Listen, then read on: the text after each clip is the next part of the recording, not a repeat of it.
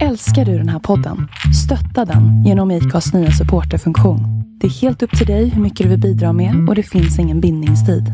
Klicka på länken i poddbeskrivningen för att visa din uppskattning och stötta podden.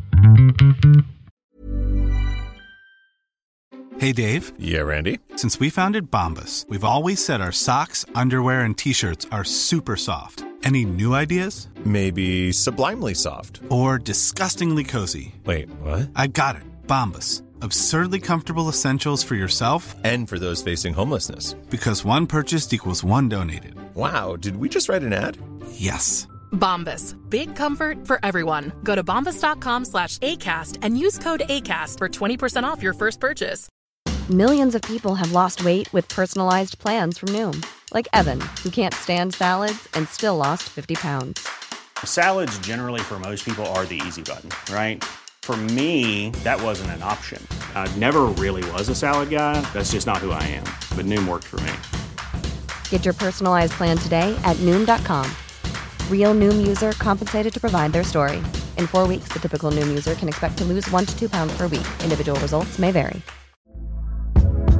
Hey there, it's Michelle Norris. I'm host of a podcast called Your Mama's Kitchen. When I travel, I'm usually looking for a way to find a taste of home when I'm not at home. And one of the things I love to do when I am at home is entertain. And Airbnb allows me to do that. When I was in California recently, I rented a house that had a great kitchen. And when we were sitting around the table, we we're all thinking, we're in someone else's house. Someone could be in all of our homes as well.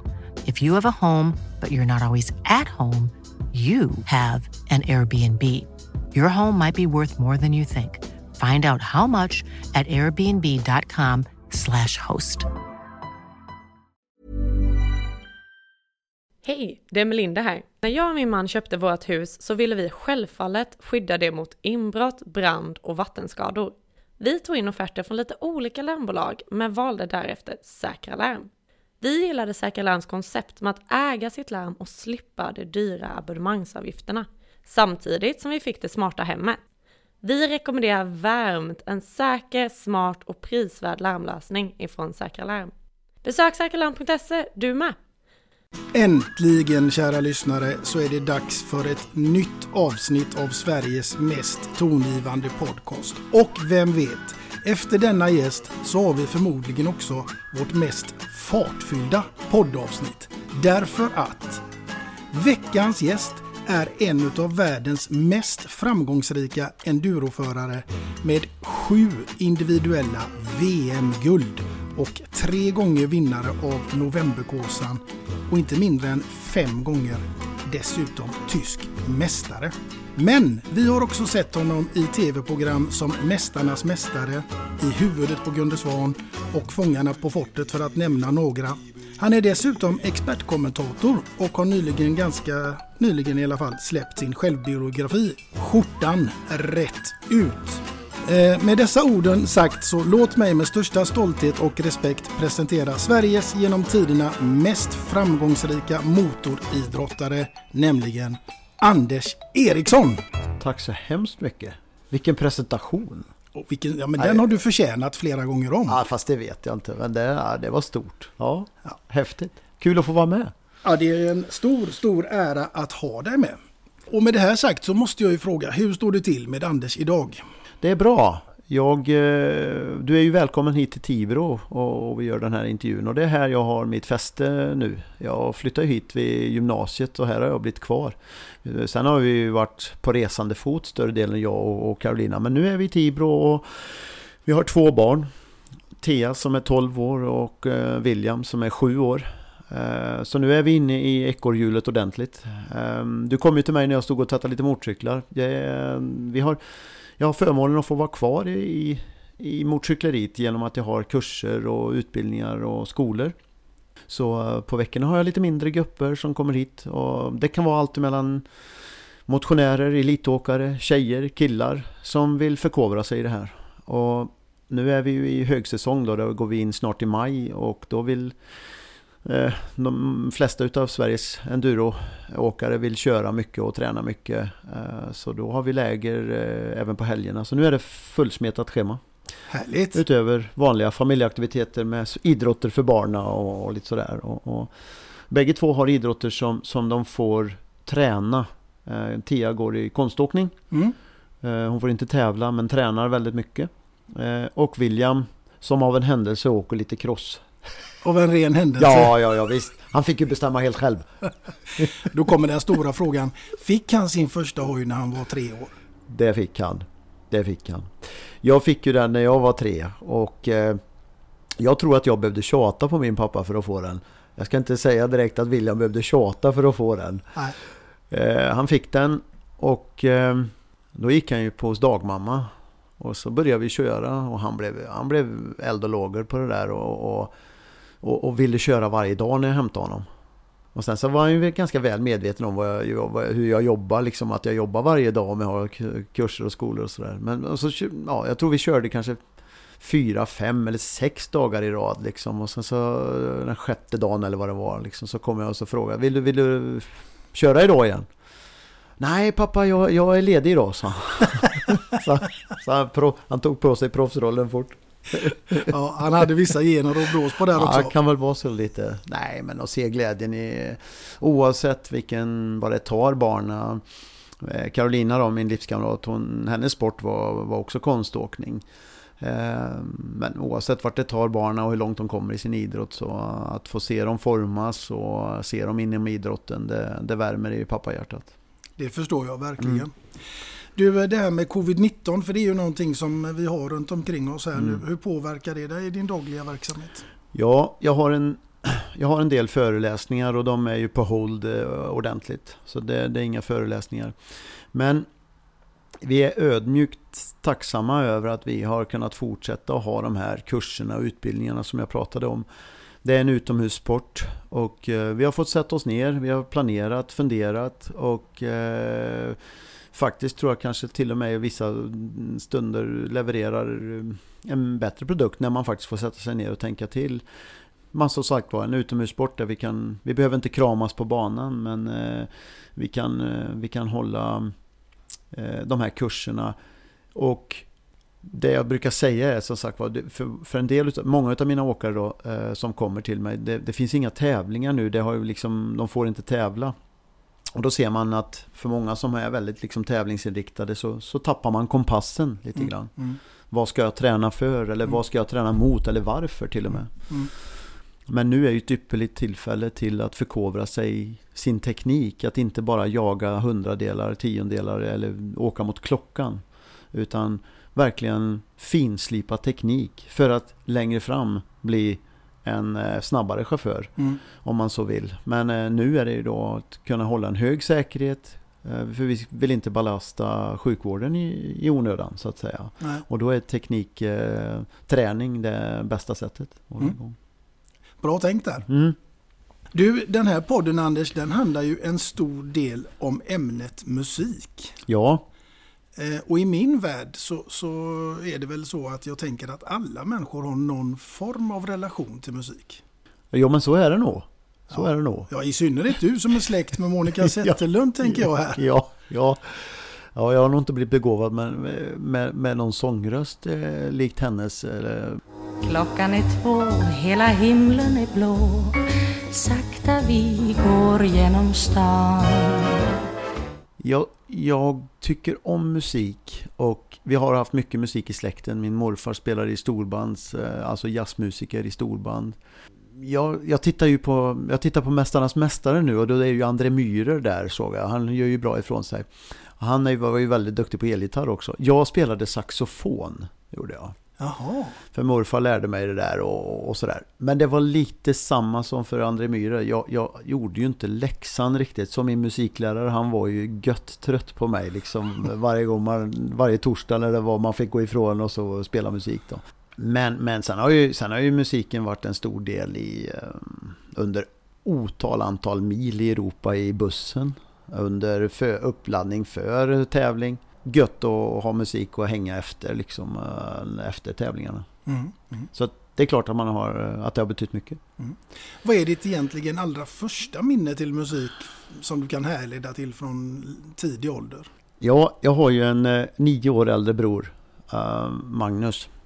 Och som jag har en supergod relation till. Men eh, när vi var små då, då, var det ibland att eh, han var ganska hård mot mig. Och jag var väl eh, en böld i rumpan på honom kan man väl säga. Men jag hade fått en eh, singel med Thomas Ledin. Hollywood. Ja, Ja. Den kastade han och hans polare frisbee med i alla fall. ja, det var hårda pix. då kan jag tala om att det var gråt och tandra initial. Det är väl någonstans är väl den första relationen med musik. Som jag kommer ihåg. Det var ganska traumatiskt. Du kommer väl ihåg när filmen var ifrån Hollywood? Alla bar en dröm så glänsande och stor Hollywood Ja, verkligen. Och så till Thomas Ledin och Hollywood. Ja, exakt. Ja, det är ändå rätt stort alltså. Ja. När var detta? Vilket år? Vad, kan, vad kan vi vara på nu? Jag är född 73. Kan jag vara liksom, vad kan jag ha varit? 5, 6, 7 år eller? Någonstans, där. Någonstans där. Ja, Slutet 70 då va? Och så och 80. 80-talet någon gång. Ja. Ja. Det gyllene 80-talet. ja. Men musiken, är det, det är en viktig del i ditt liv även idag? Jag är inte liksom så, här, så att jag grottar ner mig och, och jag är typisk alltså allätare, lyssnar på det mesta och kan åka med i ett flow liksom eh, när det än är. Om det så är träning eller i bilen liksom. Så att eh, allätare skulle jag säga. Mm. Men om man tänker att du ska ut och kötta inför ett träningspass eller tävling eller vad som helst. Har du någon sån där favoritlåt som du liksom, den, alltså den här går jag igång på. Det, Ja, ja, ja, jag har ju några låtar som har hängt, eh, hängt med sådär som, som kommer upp ofta som jag nynnar till. Sen har inte det kanske varit de där eh, extrema pepplåtarna så, men som jag, som jag går igång lite grann på. Det är ju, en är ju Mike and the Mechanics, eh, Looking Back. Den tycker jag är god. Mm.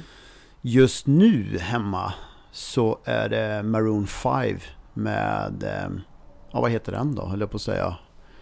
Eh, Animals. Mm. Just like animals, animals. Just like animals, animals like animals And maybe you think that you can hide I can smell yourself for miles Just like animals, animals like animals Den, den, eh, då, då börjar det dra i, i, ra- i ratten om jag sitter där. eller om jag ska liksom sitter och cykla någonting och sådär. Då börjar det dra lite. mm. Ja men man har ju lite sådana som man går igång på. Ja. Du, jag tänker också, när blev du egentligen Anders Eriksson med hela svenska folket? Ja, alltså det, som du sa där inledningsvis så, så finns det ju, jag har ju vunnit förutom de sju VM-gulderna så vann jag ju Novemberkåsan tre år. Eh, och i, i Sverige så, så de stora dagstidningarna var väl bekanta med och, och, och, och följde upp och kollade på Novemberkåsan faktiskt. Så efter Novemberkåsasegrar så var det ju, då, då var det lite artiklar i Dagens Nyheter, Expressen, Aftonbladet. Annars så, för, för dem liksom är det ju en liten sport och, och, och Eh, det kunde vara ganska hyggligt under radarn när man var ute och åkte VM sådär för eh, all, all, här i Tibro är det mitt motormecka och, och hela tiden Enduro Sverige och Motorsverige visste ju om det absolut men, men utanför sporten så var det lite under radarn att åka Enduro-VM. Jag var ju, efter mitt första VM-guld så var jag ju, eh, blev jag kontrakterad utav en italiensk fabrik då, Husqvarna. Då var basen i Italien. Vi, vi, vi flyttade inte utan vi bodde kvar här i Tibro men, men stora perioder utav året var vi i Italien. Och i Italien är det stort alltså. Det är riktigt stort. Um, där, där var det ju i den här rosa La, La Gazzetta dello Sport så var det ju eh, artiklar efter att vi hade kört på helgen liksom. Men för gemene man så är det nog programmet Mästarnas Mästare skulle jag säga. Och det, det är klart att det var otroligt roligt att få göra det programmet och att fortfarande vara i så pass liksom god fysisk form att, att, att jag kunde visa upp ett, en bra sida från min sport, tycker Mm. jag. Mm. För att dels kanske hjälpa unga tjejer och killar framåt eh, för att få sporten att växa. Men också, vi har kanske 10 000 mer motionärer i Sverige som, som varje dag går till ett jobb och, och, och sitter i fikarummet och man snackar eh, vad gör du, vad, vad har du för sport liksom. Mm. Att eh, där någonstans eh, få klappa dem lite om axeln. Att eh, på fikarummet faktiskt bli någon som en ögonbrynshöjare liksom. Att Mm. jag, jag såg på eh, Mästarnas där att eh, fan han var ju hyggligt fysisk form liksom. Och, och det verkar jobbigt det där liksom. Mm, mm. Förstår du vad jag menar? Mm, absolut. Ja.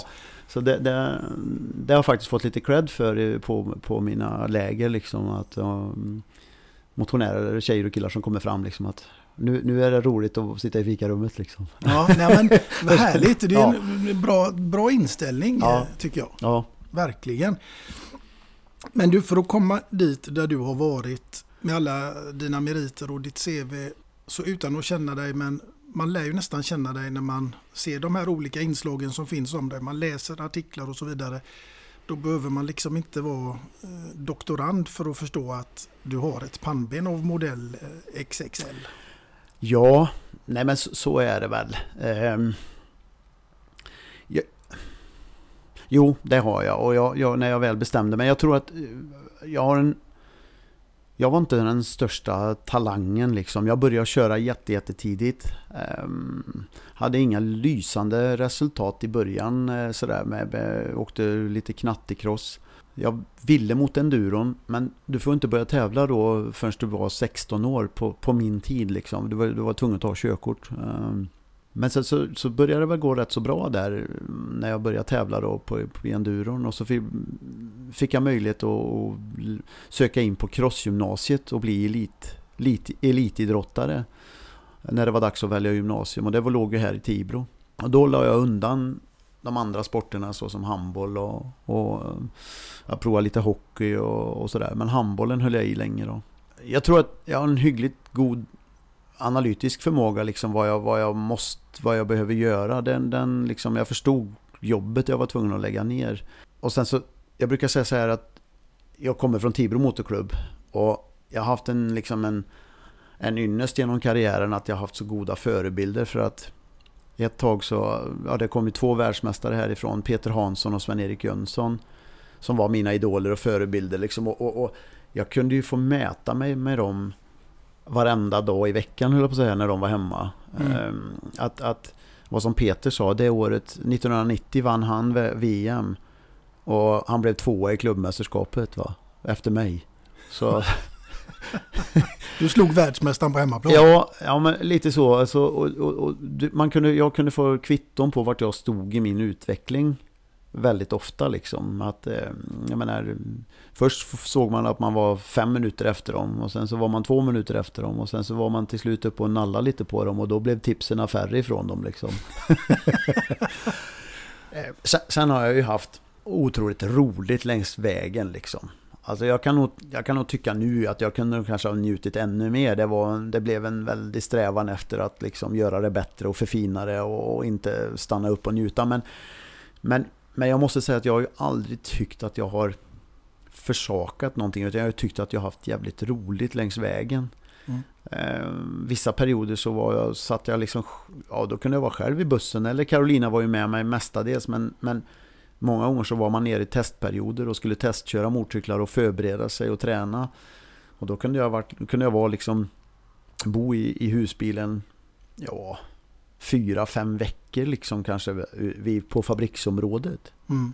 På en, på, tänk dig själv liksom svänga in då innanför grindarna och så få stå där eh, på ja, stort fabriksområde där det liksom på dagarna så är det produktion va, motorcykelproduktion. Och min mamma har ju liksom sagt efteråt liksom så här, alltså jag fattar inte hur du pallar, jag fattar inte hur du orkar.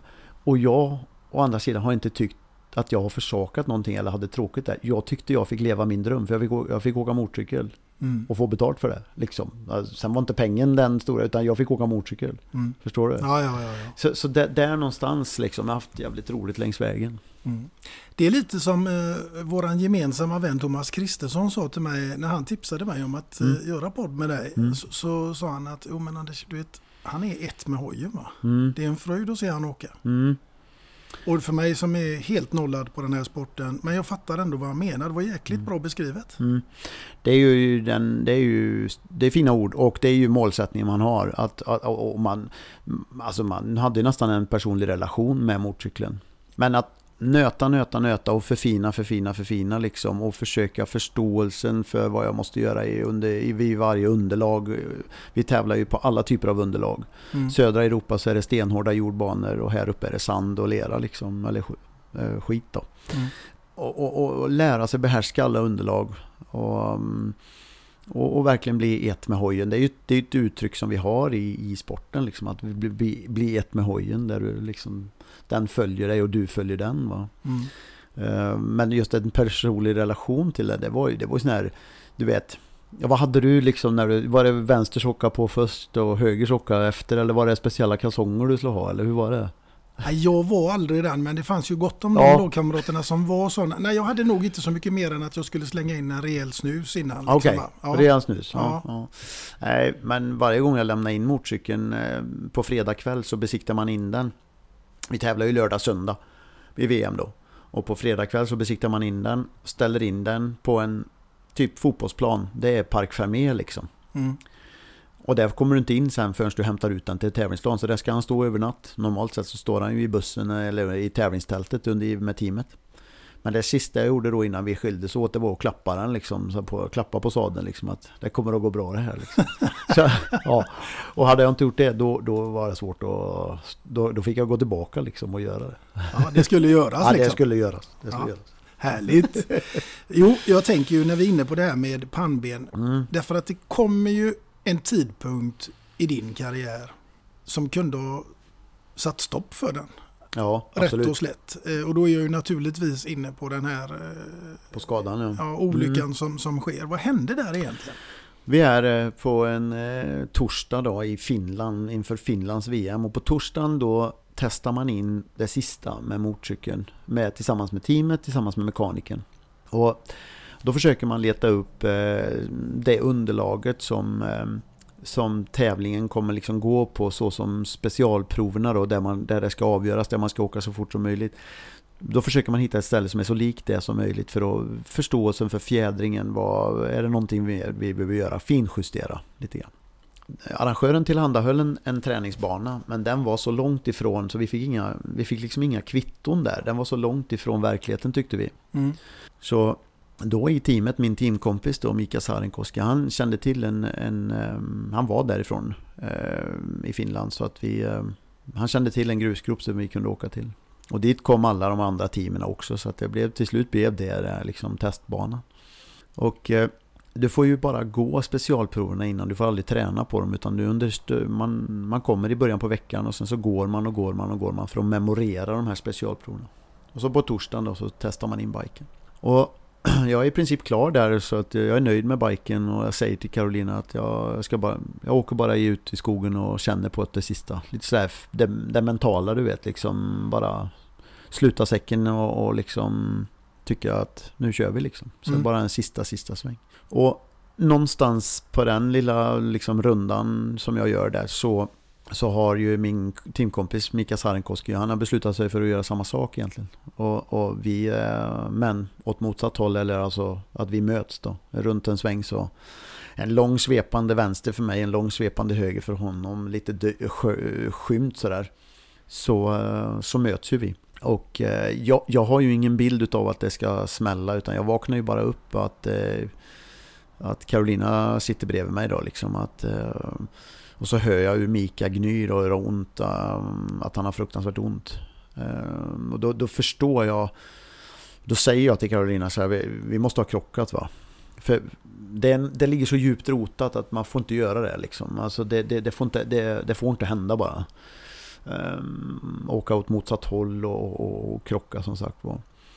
Och så bekräftar hon ju det då. Och, jag har egentligen inte så himla ont. Det, det tar ju hela min vänstra sida och en stor del av hans vänstra sida. Men, men jag har inte så himla ont utan jag är, bara känner en sån enorm trötthet. Liksom. Jag är så jävla trött liksom. Och ehm, ja, sen så, så kommer ambulansen där och, och de bär ut den och sen är det ju transport till ett sjukhus och sen börjar det ju... Ja, det så kommer det ju bara bilder nu, liksom mer eller sådär att vad som händer och, och sådär. Men, men det blev ju en transport till ett annat sjukhus för de kunde inte ta oss där. Ehm, det var lite för allvarliga skador. Så att min stora lycka i den otur som var, var ju att jag fick komma till ett jävligt bra sjukhus i, i eh, Helsingfors då. Ett traumasjukhus. Töle lasarett. Och där, då, jag var ju skapligt morfinstinn där men, men eh, det tar ju en bra stund då innan jag får komma in på operation. Mm. Eh, Det är ju öppet lårbensbrott och det är krossad knäskål och ja, stortån är spräckt och det är hälen, eller ja, vristen är spräckt och nyckelben och lunga och ja, det är mycket grejer. Och så ska jag precis få rulla in på operation. Och så kommer doktorn och så säger hon så här eh, att vi kan tyvärr inte ta dig nu för eh, det är ett stort trafik, en trafiklarm som har gått. Så vi väntar in trafikskadade liksom. Och det enda som går genom min skalle då är att fy fan vad bra för då är inte mitt allvarligt. Ja, det är ju i och för sig en, en logisk Ja, tanke. Nej, för då var det liksom att hade det här varit beyond repair, att det inte hade gått eller att liksom, då hade jag redan varit där inne. Så Mm. den tanken gick igenom mitt huvud liksom. Mm. Ja, jag, har ju, jag, jag ryser fortfarande än idag när jag pratar om det här. Alltså det, jag, jag hade inte pratat om det på länge förrän du tog upp det. Och, jag hade, men, och det spelar ingen roll. Jag misstänkte att den skulle komma, eh, givetvis. Men, men det ligger ut, djupt rotat där alltså. Mm. Det ryser, det är Mm. rysningar. Men så, så, så kvicknar ju, då var det ju operation där och så kvicknar man till lite och så eh, några dagar. Och sen så fick jag ju träffa den här doktorn som hade gjort, eh, han kommer in och så han som har gjort operationen och han, han beskriver det som liksom att nej, du har allvarliga skador men, men de är utav läknande karaktär. Det, du, du bestämmer egentligen hur bra du vill bli. Och bättre besked kunde jag inte få. Nej, för då ligger det i egna händer. Ja, jag, jag, jag höll fortfarande i styret på ett sätt, på ett sätt och vis va. Ja. Och, och snabbt möte med Carolina liksom att fan jag vill inte sluta så här. Jag vill göra försök att kunna köra motorcykel igen liksom. Och komma upp på en nivå där, jag, där det är okej igen liksom. Ja hon sa direkt, ja vi kör, vi, vi kör, vi gör ett försök. Mm. Så, så, så där, där och då börjar ju en ny tävling liksom. Mm. Det börjar ju en nytt race liksom och se hur, hur bra kan den här kroppen bli. Mm. Eh, Och det var en lång resa. Nej, så, men det var, ju, det, var ju, ett- det var ju en rejäl omstart så att säga. Det var 17 kilo minus och, och ja, man fick börja lära sig gå igen. Mm. Så var det. Ja, och, men du, du gör ju liksom hela resan tillbaka och, och kör hoj igen och, Ja. och liksom med bra resultat. Ja, det gjorde jag. Eh, Ett år efter så var jag femma i VM.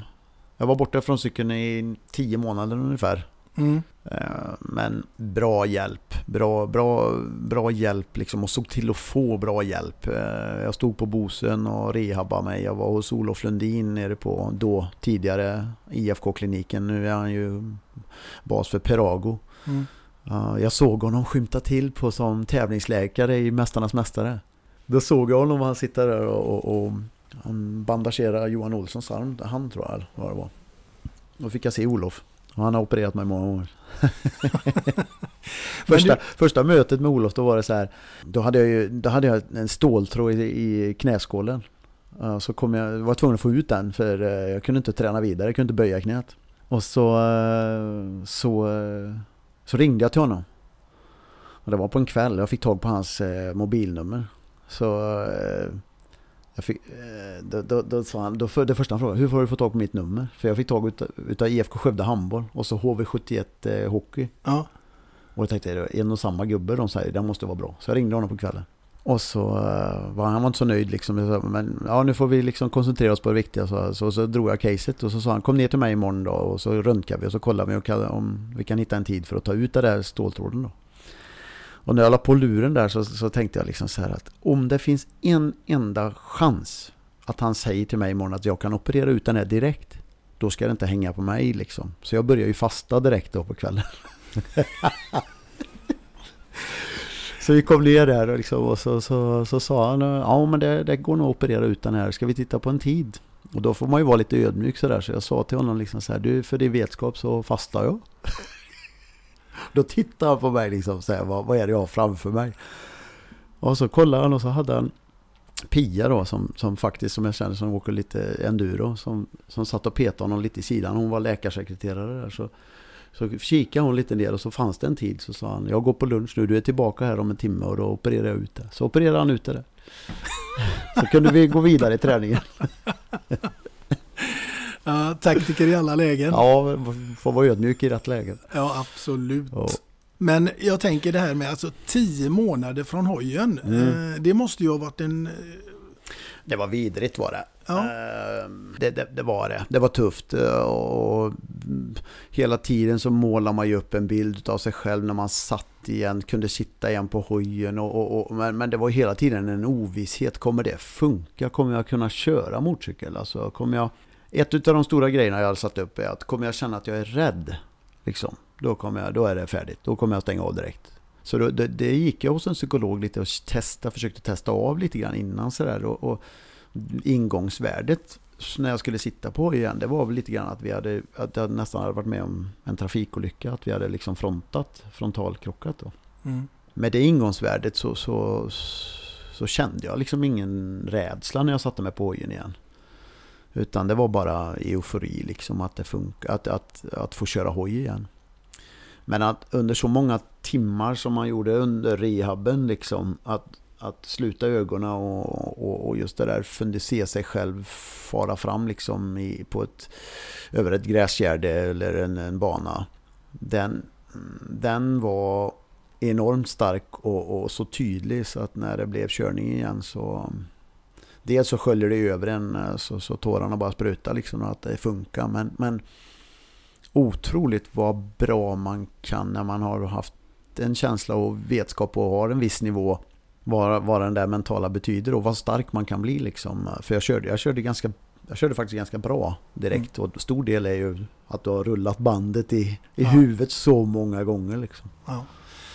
Ja, det, var, det var mäktigt att, Mm. att se det här klippet på Youtube igår när du är gäst hos Gunde Svan och eh, jag antar att han är här faktiskt. eh, Och, och du eh, just ger den här beskrivningen liksom om att ja, men känslan av att ja, men det är som förr. Liksom. Mm. Mm. Det är ungefär som att man, man får tillbaka något förlorat. Ja, nej men helt klart. Helt klart. Jag tror att det, det, det bottnar sig mycket i liksom att det är en hela ens liv. Eh, vi hade ju oss, givetvis var det också ekonom, ek, ekonomi i det för att jag och Karolina har gjort det här tillsammans och, och, och vi, vi var ju rätt beroende av det fabrikskontrakt som vi, som vi åkte under.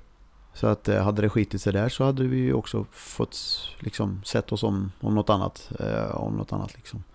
Men, men, men också att, eh, att liksom det ska... Vem är jag liksom? Vem är, vem, vem är jag om jag inte kan köra motorcykel? Sådana tankar liksom. Vad ska jag... Ja, vem är, vem är jag då egentligen? Så det var väl en rädsla liksom så. För det är hela ens liv som, som, som står lite på spel där. Och när, när det då funkar igen som gör att man känner att man fortfarande håller lite i styret så, ja, så var det en enorm känsla. Mm. Annars tänker jag, där hade ju kunnat vara en väg tillbaka till saxofonen. Ja, ja, ja, ja. ja du, du är smartare än jag du. Ja, ja den, hade varit, den hade nog varit ännu krokigare då. ja. Det är väl så här också liksom som jag säger ofta att det är ju bra i livet att vi inte vet vad som är runt hörnet för det blir ju någon slags drivkraft också liksom att spänna bågen och se hur bra kan jag bli. Det är klart att hade man fått facit dag ett utav doktorn som gjorde operationen, liksom att så här mycket operationer ska du gå igenom, så här mycket smärta ska du gå igenom om du vill tillbaka, så här mycket gråt och tannagnissel är det liksom. Ja men vad fan, då hade man väl kanske sagt att nej, vi nycklar av här, det är bra här. Men då å andra sidan hade jag ju liksom inte kunnat eh, hålla på med det jag håller på med idag. Nej. Eh, Jag hade inte blivit så bra kroppsligt som, som jag är idag. Jag har saker som påminner mig om skadan varje dag. Men jag mår otroligt bra. Härligt. Ja. Det är du väl värd. Tack ska du ha. Tack ska du ha. Du Anders, vi ska faktiskt återvända lite grann till ämnet musik för nu är det dags. För jag är otroligt nyfiken på, du har ju fått dagen till ära att välja ut två stycken låtar. Mm. Och vi ska komma in på den första låten du har valt. Mm. Jag har ju ingen förhandsinfo alls, så jag är grymt nyfiken. Ja, precis. Jag, jag nämnde den väl lite förut, men, men någon som har följt mig under, under karriären mycket, det var just det Mike and the Mechanics och Looking Back. På min första VM-fest, då fick jag sjunga till den. För det visste alla att, de, att jag gillar den låten. Så då fick jag, då fick jag sjunga i den. Du vet vilken det är? Den här Ja, när de ja. visslar i den och Ja, sådär. jajamän. Får jag säga det själv så när jag i alla fall när jag hade tagit några pilsner så var jag rätt så bra på att vissla. vi, vi får testa det någon gång Anders helt enkelt. Ja.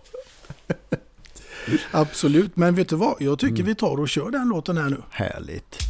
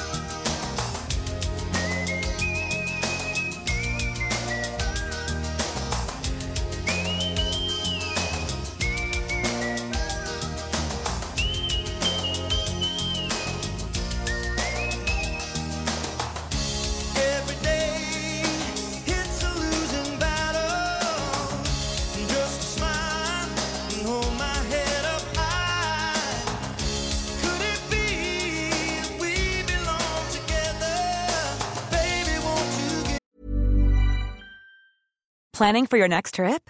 Elevate your travel style with Quince. Quince has all the jet setting essentials you'll want for your next getaway, like European linen, premium luggage options, buttery soft Italian leather bags, and so much more.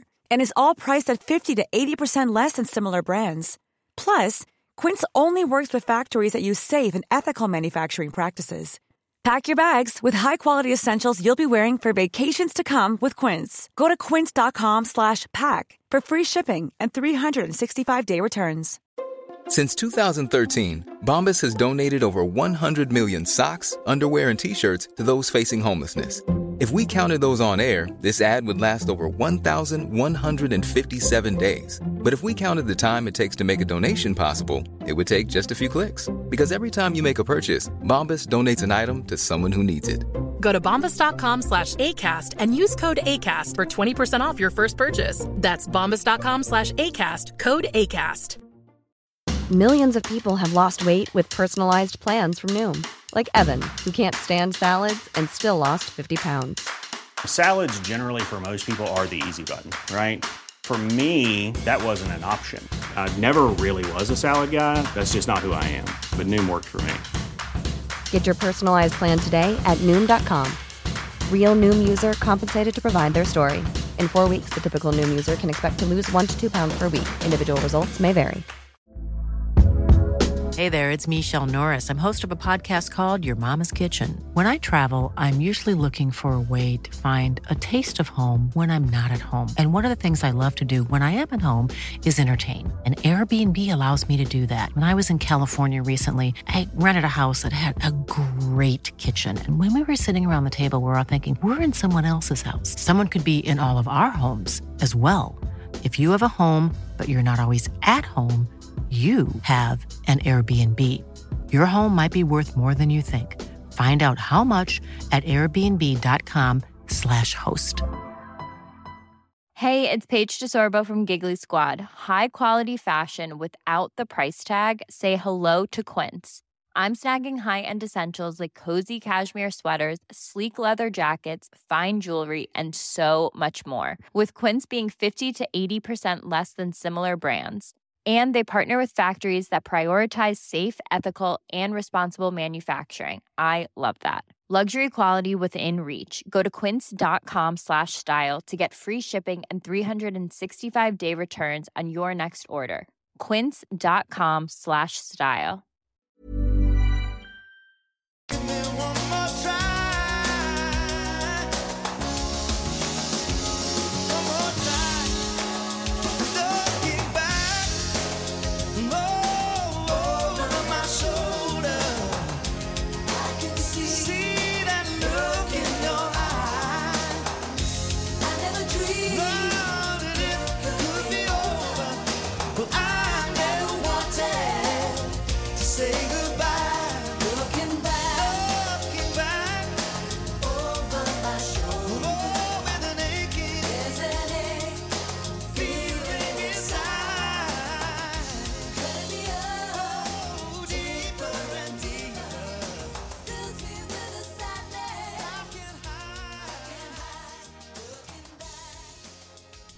Men det är lite drag i den ändå.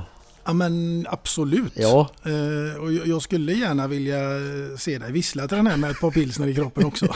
Ja. Nej men den, den har ju kommit, eh, som jag sa, otal mil i Europa så var det den där som gick på många gånger och det var nog på repeat höll jag på att säga. Looking back over my shoulder. Ja. Eh, så att den har hängt med och sen när den kommer nu igen då får man lite flashbacks och lite minnen. Ja. Ja, det är gött. Härligt. Ja. Du, eh, det här med Mästarnas Mästare. Mm. Alltså det, det, det är mitt favoritprogram, alla kategorier. Mitt också, mitt också. Ja. Jag har sagt det förut och jag säger det till dig också för vi har haft några tidigare gäster här, bland annat eh, Glenn Hysén, eh, Susanne Gunnarsson, Mm. Robert Prytz. Mm. De har ju också varit med där. Japp. Men man skulle ju vilja vara en liten fluga på väggen när kamerorna inte är på där inne, liksom när ni sitter och spelar kort eller någonting Ja. vet, och någon blir ursinnig för att de förlorar eller något sånt där. Ja, men jag kan säga så här, och, och det var mycket kul som hände, absolut, men, men, men den lugna, liksom det här goa stämningen som går rakt ut genom tv-rutan, åtminstone det året jag var med, den var liksom bestående och började från fasiken när vi samlades på Arlanda liksom för att flyga ner. Jag spelade ju in det i Spanien. Och sen så i huset så växer det ju fram, man blir tajtare och sådär. Men otroligt skön, god stämning var det. Mm. Eh, och just den här mixen att när det var tävling så tror jag mm, du såg att det brann till i ögonen lite. Och inte bara på mig utan på de andra. Och, och det, det noterade ju jag också. Så att när det var tävling då var det tävling. Då var det inte, då var det inte läge att, att skämta liksom. Nej. Men just när man, när man var i det själv under sin tävlingskarriär då, då kunde man kanske inte släppa en dålig res- dag eller resultat på väldigt länge. Liksom. Mm. Men här, liksom, alltså efter att tävlingen var slut så var det bra igen. Liksom. Och det var den här goda stämningen i huset igen. Va? Mm. Det var det alltså? Ja, det var det verkligen. Det Jag, var, lo- ing- jag, det var ingen som tjurade för att de hade nej, kommit sist? Nej, det var inte det. Det var inte det. Utan det släppte fort liksom. Och ofta så åker man ju då ut i bussar, eh, minibussar ut till de här locationsna och det var ju kanske en timmes färder eller 40 minuters färder i bil då. På vägen ut i en sån där så sitter jag bredvid Foppa och och det ringer i hans telefon och så, så pratar han lite. Ja men det fixar vi när jag kommer hem, det fixar jag, det löser jag. Och så la han på och så bara, ja det var Stefan, Lunde, Stefan Löfven som ringde så. Ja. Jag kollar, jag kollar på min telefon, jag har inte missat samtal från Stefan Löfven. Härligt. Men du, du, du, du blev lite uppmärksammad för ett skämt där nere också. Ja, ja det, fanns, det var nog många, men inledningsvis var det några stycken. Jag Ja, jag, tänk, jag tänker på rumsfördelningen. Ja, jag, jag förstod, jag misstänkte det. Utan att känna det så förstod jag det. Ja.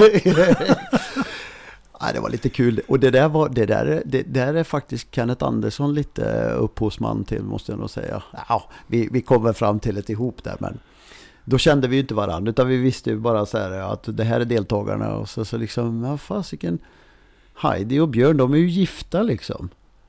Ja, Och det är väl ganska, det, förmodligen så vill väl de bo i samma rum liksom. Troligtvis. Ja, troligtvis. Ja. Så jag tänkte nu drar vi, nu drar vi en stenhårt lär liksom om att vi har gjort rumsfördelningen. Och så, så sa jag det till Björn att men Heidi ville bo med mig Björn, känns, hur känns det? Känns, känns det konstigt för dig? Nivån är satt liksom. Där var nivån satt. Sen åkte vi liksom.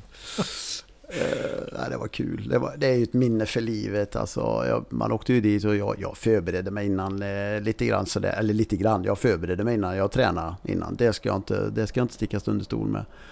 Men, men bestående utav det, det är, ju att få träffat allihop och eh, de här som sagt var lite pratstunderna emellan och sådär. Mm. Eh, jag, jag, det gick ju hyggligt för mig. Jag blev ju trea i det där. Men, men jag klarade ju inte att bygga stentorn. och en tid efteråt så satt vi och tittade hemma på det. Och så fick jag på sån här eh, syntolkat va. Finns det på SVT Play va? Jajamän. Ja. Och det var inte roligt att höra då att Anders Eriksson sitter kvar vid sitt stentorn. Anders Eriksson försöker bygga, det rasar igen. Carolina, Klar, Carolina klar, hon springer vidare. Anders sitter kvar. Det var trauma. Ja, det förstår jag. Åh, vilken, underbar historia. Ja, jajamän. Jajamän. Det är nästan nu kommer jag får tvångstankar. Jag kommer hem och kollar på det nu liksom. Ja, ja. Nej, det var vidrigt. Ja. Det var vidrigt. Du, vi ska ta oss från Mästarnas Mästare till en annat tv-program, eh, nämligen Fångarna på fortet. Mm. För där finns också ett sånt här klipp med dig eh, som man bara tänker, nej men vänta lite nu, hur är det här möjligt liksom? Jag förstår att du någonstans har någon form av respekt för höjder. Det, det går fram rätt tydligt eller? Ja, och ja, ja det, det räcker för Ja. mig själv också. Liksom. Det du gjorde, finns inte pengar i världen som hade fått mig att göra. Alltså det är så? Ja, ja, inte en chans. Nej, jag tycker det är vidrigt. Men du gör ju det. Ja, men det fanns ju inget att backa på det. Eh, Detta, då ska man nu tänka så här att detta är ju efter vi gjorde ju huvudet på Gunde Svan. Ja. ja. Och då hade han ju fått lite stryk av mig på motorcykelåkat. Ja. Och så får man ju fylla i en liten lista där vad man inte vill göra på, på Fångarna på fortet. Och då, då skrev jag lite om höjder där, att jag vill inte göra det. Nej. Gissa vad du fick. Men han är en otroligt ödmjuk människa och han det var ändå med glimten i ögat och han är ju peppande liksom så va. Men, men eh, det var ju alltså man, man slöt ju öronen där och sen så blev det att, att gå in i sig själv och så, och så göra det. Men det gick i vägen. Ja, jo, jo, jo, jo, jo. När du går upp och ställer dig på den jävla stolen där mitt i, alltså, och så ska du kasta det rätt ut också. Ja. Man är ju så dum för man vet, alltså man, egentligen man har ju den där säkerhetslinan men det, det talar ju emot allting liksom att gör du det här så blir det inget mer liksom. Men, men äh, ja. Och du har ju egentligen bara en chans också. Jajamän, jajamän, jajamän. Och när jag reser på mig där, då är det långt alltså. Då är det långt bort till den där nyckeln där. Eh, jag tänkte, det kommer ju inte gå. Men så känner jag att det finns lite svikt i den här stora stål... eh, Så den, den svungar ju till lite då. Och då tar det sig lite. Ja, ja. Jag, jag är grymt imponerad, Ja. så får vi säga i alla Ja. fall. Du, vi ska återvända eh, till musiken därför att nu är det så här att ehm, du, har, du ska ha en middag hemma. Mm. Och du får välja precis vem du vill till middagsgäst. Och så vill jag veta, vad hade ni ätit? Vad hade ni druckit? Mm. Och vad hade ni lyssnat på? En Ja, låt. En låt. Oj, vem skulle jag bjuda där? Eh, ja, jag har sagt det tidigare och det är inte bara, det är ju inte positiv klang i det. Men jag skulle ju vilja fråga Lance Armstrong hur fan han tänkte egentligen. Uh, cyklisten Ja. som dopar på sig ganska bra. Ja. och redigt. Där, där, den som sagt var, middagen hade väl inte slutat så trevligt för min inställning till doping är ganska tydligt eh, nej. Men, men hur han tänkte lite där skulle man väl kunna tänka sig att få, få reda på lite. Mm. Maten, jag har man jobbat i Italien 12 år så, så, så blir maten en ganska viktig ingrediens. Och, och för att prestera bra så har maten också varit viktig.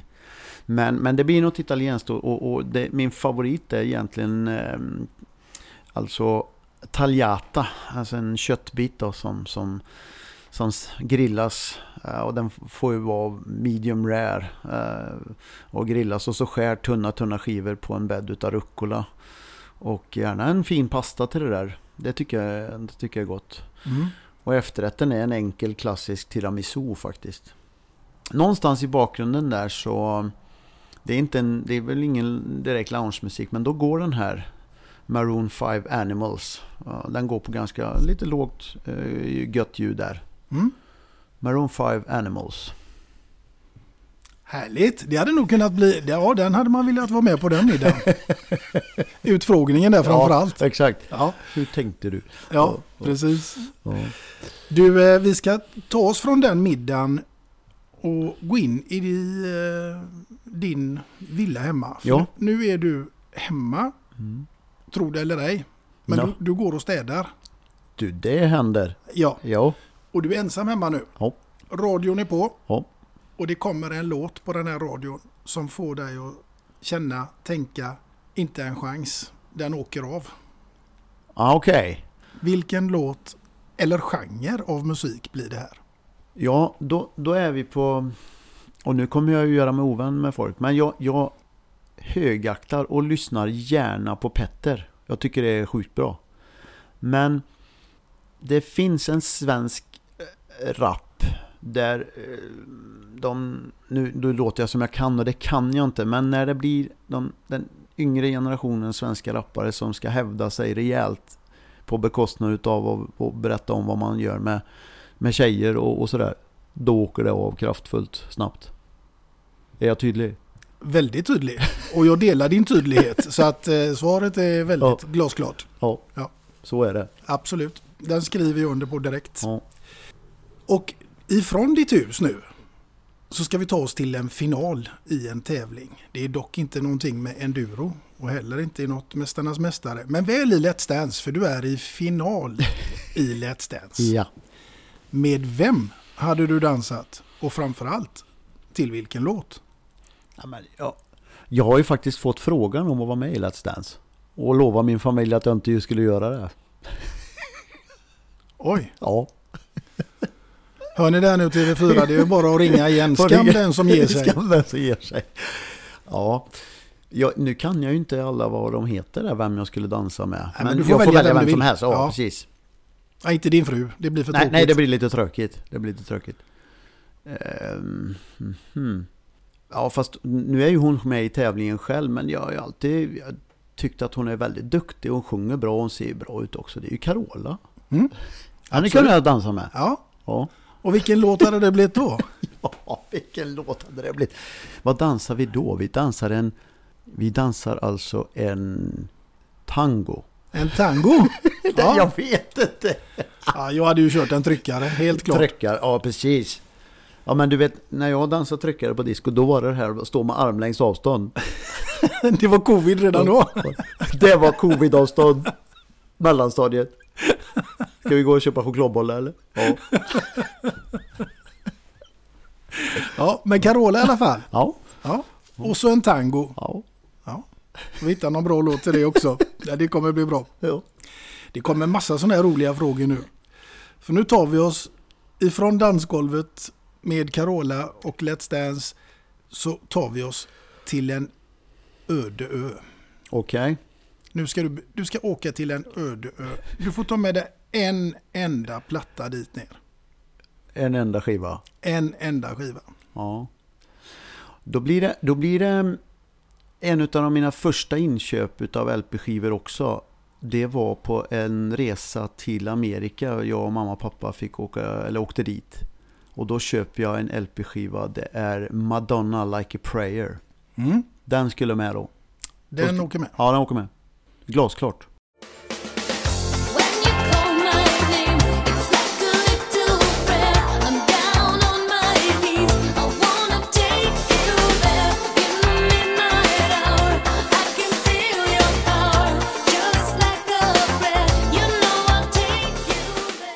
Då klarar du det där nere. Du och Madonna, Då är jag hemma. då är du hemma.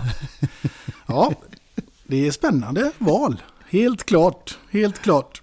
Du, vi, ifrån alla de här eh, öde öarna till Let's Dance och allt vad det är för något så ska vi faktiskt lite raskt här eh, marschera in i ditt andra låtval. Mm.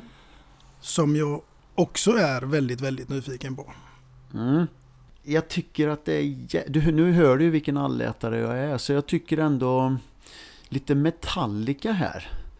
Det har varit med genom, eh, genom åren.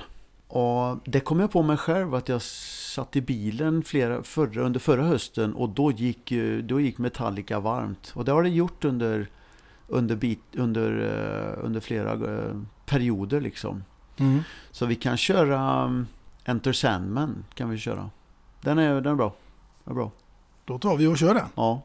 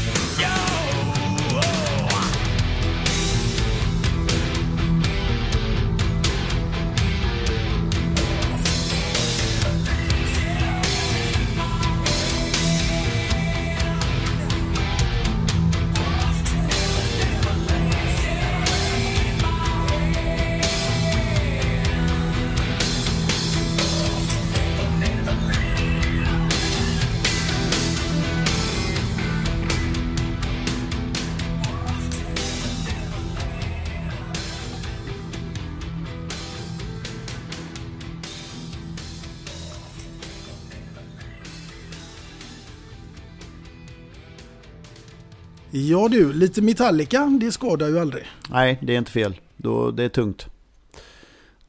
Då är det drag i bitarna. Då är det drag i bil och det är du van vid. Ja. Det får man ju ändå lov att säga. Ja. Du, eh, någonting som du också gör det, det är ju att du, du är ju coach och du är föreläsare och du är eh, radiopratare och så vidare. Men när du föreläser, Mm. vad, vad, vad föreläser du om då?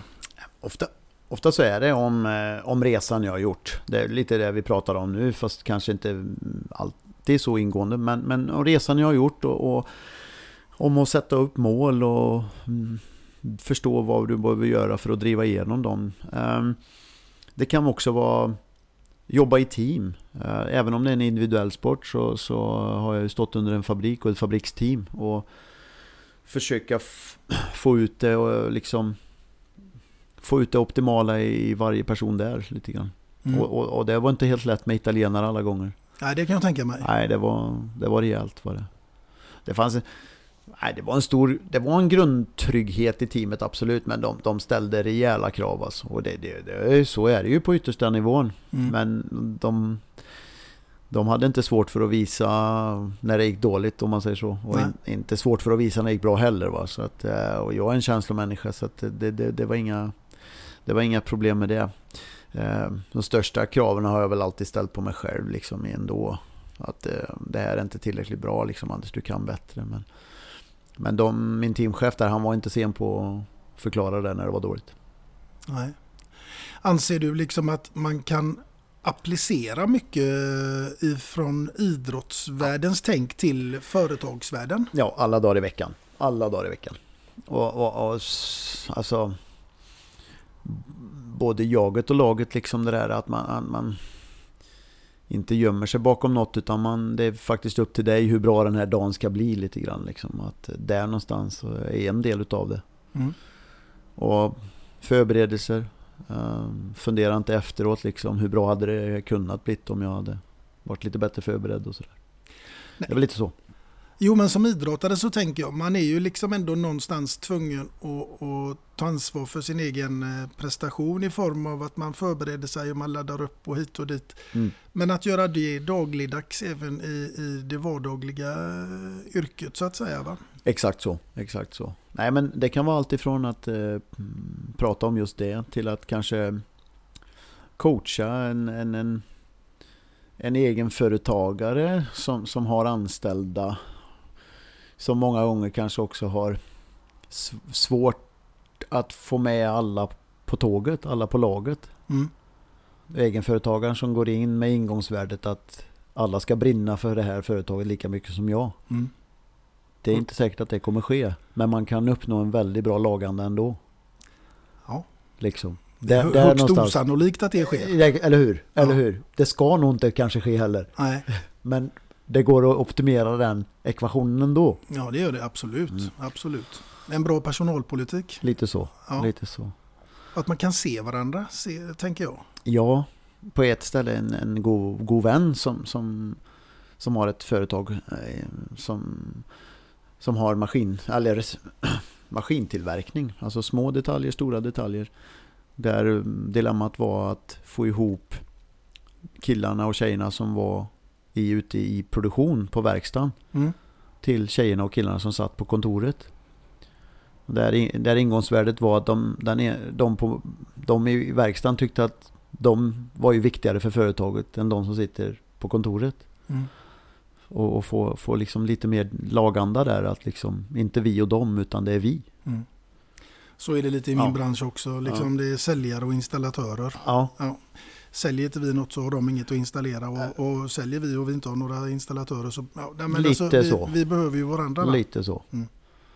Och där att få var och en att blomma ut liksom. eh, eh, ja, det, det finns mycket grejer från min egen eh, karriär där som, som man kan delge som erfarenheter. Mm. Roligt längs resans gång har ju varit liksom just att 12 år i Italien med, med italienare och sen så var jag två år i Tyskland med BMW. Eh, och få se skillnaden mellan italienare och tyskar där. Mm. Jättespännande och jätteintressant. Frustrerande under resans gång men efteråt nu liksom vad, vad spännande det är ändå. Jo men alltså din, din boktitel där den avslöjar kanske lite granna om din eh, inställning till saker och ting. Eh, skjortan rätt ut. Men det kommer egentligen ifrån eh, en kille som var ute och kikade lite grann på, på när vi tränade borta i Götene och en av mina förebilder Kent Karlsson eh, var dels var han en konkurrent, sen var han teamkompis och sen så blev han min tränare under många år. Eh, han hade en kompis som kom och, och, och, och, eh, och kikade lite grann när vi körde. Och vi, vi var ju liksom, det var ju på nivån man pratade om att ja, men gå in med lite högre ingångsfart i den svängen och försök att lägga ner cykeln lite till och så bromsa klart i den svängen. Alltså detaljnivå då med, mellan jag och Kenta. Men han var lite mer sådär att han skulle göra det enkelt. Alltså att ja, Isa, Isa hänga ut skjorta bak där så att det hänger efter. Och när den står rätt ut när den kör då vet den att det går fort. så då, ja, svårare än så är det inte riktigt. Eh, skjorta ska stå rätt ut. Full gas. Full gas, skjorta rätt ut. Ja. Men varför inte? Ja. Det handlar om att ge max liksom. Ja, det är det. Inte göra något halvhjärtat för då kan det, då kan det vara. Då Mm. kan det vara. Mm. Ja, på det sättet får man ju aldrig reda på hur bra man blir. nej, precis. Men det, det, går, i, det går igen. Ehm, nu, nu är ju som jag sa inledningsvis där med kurserna och, och lägren jag har. Och jag tycker att det är så otroligt roligt dels att vara i närheten utav, utav motorcykeln fortfarande och sen så få se, få se någon lära sig och utveckla sig och ta steg liksom. Sen om det är en, någon som har kommit långt på karriärstegen eller någon som precis tar de första kliven. Det är lika stor njutning liksom. Spelar ingen roll fart utan se en, någon utveckla sig liksom och, och kunna få, få bidra med mina erfarenheter där och, och lära vidare. Det är en enorm tillfredsställelse. Sen de här liksom helglägena som vi har då där det kommer eh, 30-tal åkare, kanske mer ibland, i olika grupper. Men, men att råda ihop det där och, och, och det är, jag, har, jag vaknar ju på nätterna ändå och har samma känsla som inför liksom, man hade inför lopp sådär att har jag tänkt på det och jag har tänkt på det liksom och det scenariot, vad händer om det blir det scenariot? Och det, det betyder ju att man har en passion för det liksom, att man vill göra det jäkligt bra. Mm. Absolut. Den dagen jag inte känner det för ett läger, då, då är det färdigt. Då är det färdigt. Då är det färdigt. Och därifrån ska vi ta oss till vad du känner på fem snabba. Ja. Om du har någon passion för det. Frågesport eller fem snabba? Frågesport, nej tack. Men eh, fem snabba, vi kör. Fem snabba frågor. Ja, ja, ja. Bak på hojen med Torsten Flink eller Bert Karlsson? Eh, Torsten Flink skulle nog kunna vara en hårresande övning. Bägge två hårresande övning, men nej, det skulle vi kunna prova. Ja, Torsten Flink alltså. Ja, ja. Picknick i det gröna med Annie Lööf eller Jimmy Åkesson? Annie Lööf. Mm. Hembränt och lingondricka eller folköl och nötter? Folköl och nötter. Wahlgrens värld eller Antikrundan på tvn? Antikrundan alla dagar i veckan. Surströmming eller levergryta? Åh, fy fan. Nej, det är levergryta är det. Nej, du, det, alltså, jag har ju inte ens ätit surströmming så jag ska inte uttala mig. Men jag har passerat. Nej, jag behöver inte äta rutten mat. Nej. Nej. Så levergryta alltså? Ja. Ja men det var ganska klara svar ändå. Det var det? Ja. ja. Det var inte så lång betänketid du behövde. Det var, det var lika illa på allihop. Ja, det var väl lite så. Jag tänkte inte efter så mycket utan jag sköt från höften. Ja. Du, eh, vi ska hålla oss lite nu här till ämnet musik. För jag tänker så här. Vem skulle vara låtskrivaren till sången om Anders Eriksson? Ja, just det. du. Jag får ringa till han Skövdebon som levererar eh, varje år. Gesson.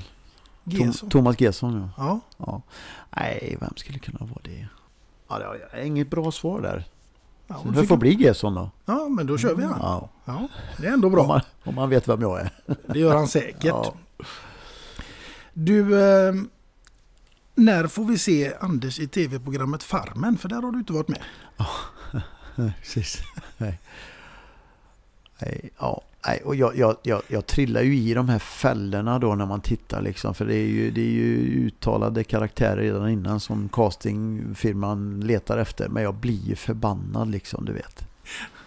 Så att, eh, nej. Du kommer inte få se mig i Farmen. Nej. Var det det det föll på i Let's Dance också? Nej, det var det inte. Utan det hade jag... Det, nej, det, det var inte riktigt läge då. Uh, så att uh, jag lovade faktiskt min familj att jag inte skulle vara med på det. du hade fått dansa på gator och torg här i Tibro. Ja, det, det hade ju varit bra träning. Det är ju bra träning absolut. Men, men och de har fantastiskt roligt. Men, men då var vi... Vi hade ju hade ju William var jätteliten och, och, och, eh, man är borta hemifrån rätt så mycket och sådär. Mm. För att göra det. Mm. Du, hur ser framtiden ut för Anders Eriksson? Ja, jag eh, kommer att fortsätta en bra stund med, med de här skolorna och kurserna som, som jag har. Jag brinner för det och tycker att det är fantastiskt roligt. I övrigt så är det inte en fast utstakad plan. Jag, jag, vi har ett smultronställe i Kroatien Karolinas föräldrar kommer från Kroatien, kom hit 68. Och eh, jag kom in i den familjen 90. 94 var första gången jag var i Kroatien och tittade på det och var, fick se deras lägenhet. Sen har jag varit där varje år förutom förra året när jag, i princip när det var covid. Och eh, jag hoppas att jag ska kunna spendera lite mer tid i den eh, lägenheten. Det är någonting sådär som på, på Adriatiska kusten där. Det är någonting som jag drömmer lite om. Sen, sen så om det kommer att bli verklighet är väl högst osannolikt med, med tanke på liksom det jag gör och sen så att med barnen vi går in ganska hårt, jag och Karolina, för att det ska bli så bra som möjligt för dem. Som, mm. som jag hoppas all, alla föräldrar gör. Mina föräldrar gjorde det mm. också. Mm. Och då är det, då är det tuta och köra på det liksom. Mm. Och det får mig osökt att ställa frågan, vad, vad är livskvalitet för Anders Eriksson? Det är just att få vara med familjen och um, hänga med familjen. Likväl, men likväl som man blir stressad och frustrerad ibland så just den där eh, liksom tryggheten ändå när det eh, livet i miniatyr när, när det är stressat och lite hårda ord innan maten tre tuggar in i maten eller i middagen du vet liksom när det alla är liksom blodsockernivån är låg och det är lite irriterat. Och sen så liksom som sagt var tre, fyra tuggar in när det börjar sjunka in lite grann och det lugnet infinner sig och man tittar på varandra med lite mildare och mjukare ögon liksom och frågar om dagen hur det har varit och hur träningen gick och, mm. och det blir lite mer kärleksfullt där och, och där, där njuter jag ganska bra faktiskt. Det låter klockrent. Ja. Verkligen. Ja. Du Anders, vi börjar närma oss eh, slutet här på podden. Men innan vi slutar helt och hållet så är det faktiskt så att jag vill bidra med någonting till ditt kök. Det kanske inte blir ja. just middagsbordet. Nej. Men det blir väl en... Ska vi se här om vi kan få upp den här lilla kartongen. Oj jädrar, en kaffemugg. Ja, eller te eller vad du nu vill ha i den. Men eh, där har du ett kärt minne ifrån denna stund med två låtar och en kändis och självklart också då ditt namn ingraverat på baksidan. Så det ska framgå tydligt vems muggen är. Den kommer att vara långt upp på hyllan. Nej, inte långt upp på hyllan, förlåt. Den ska vara en framhållen plats för det här ska drickas kaffe på varje morgon. Ja, men, Mycket trevligt. Ja, och det har varit en riktigt, riktigt stor ära att få ha med dig här i podden Två låtar och en kändis. Tack så jättemycket. Det är äran och på min sida för det var förbaskat roligt det här. Mm, visst var det? Ja. Du, någon gång så ska jag faktiskt ta mig hit till Tibro och eh, titta på det här med enduro, hur det funkar i verkligheten. För det verkar faktiskt fruktansvärt spännande. Men titta, du ska ju komma hit och köra. Den sannolikheten är lika stor som att jag skulle hoppa upp på den där eh, grejen med Gunde Svan. Ja, det är klart du kommer hit och så testkör du. Ja, nej. Det är inga bekymmer. Det, är, det fixar vi. Det går hur bra som helst. Hörni, det var allt för idag. ja, du är välkommen, det blir kul. Ja, det löser vi Anders. En stor ära som sagt var och eh, med det sagt kära lyssnare så hoppas jag ju självklart att ni finns med oss i nästkommande program och vem som sitter framför mig då, ja det återstår att se. Tills dess, ha det gott där ute hörni. Hej på er! Hej då, tackar tackar!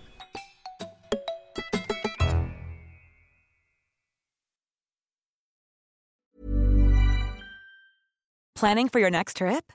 Elevate your travel style with Quince. Quince has all the jet setting essentials you'll want for your next getaway, like European linen, premium luggage options, buttery soft Italian leather bags, and so much more. And is all priced at 50 to 80% less than similar brands.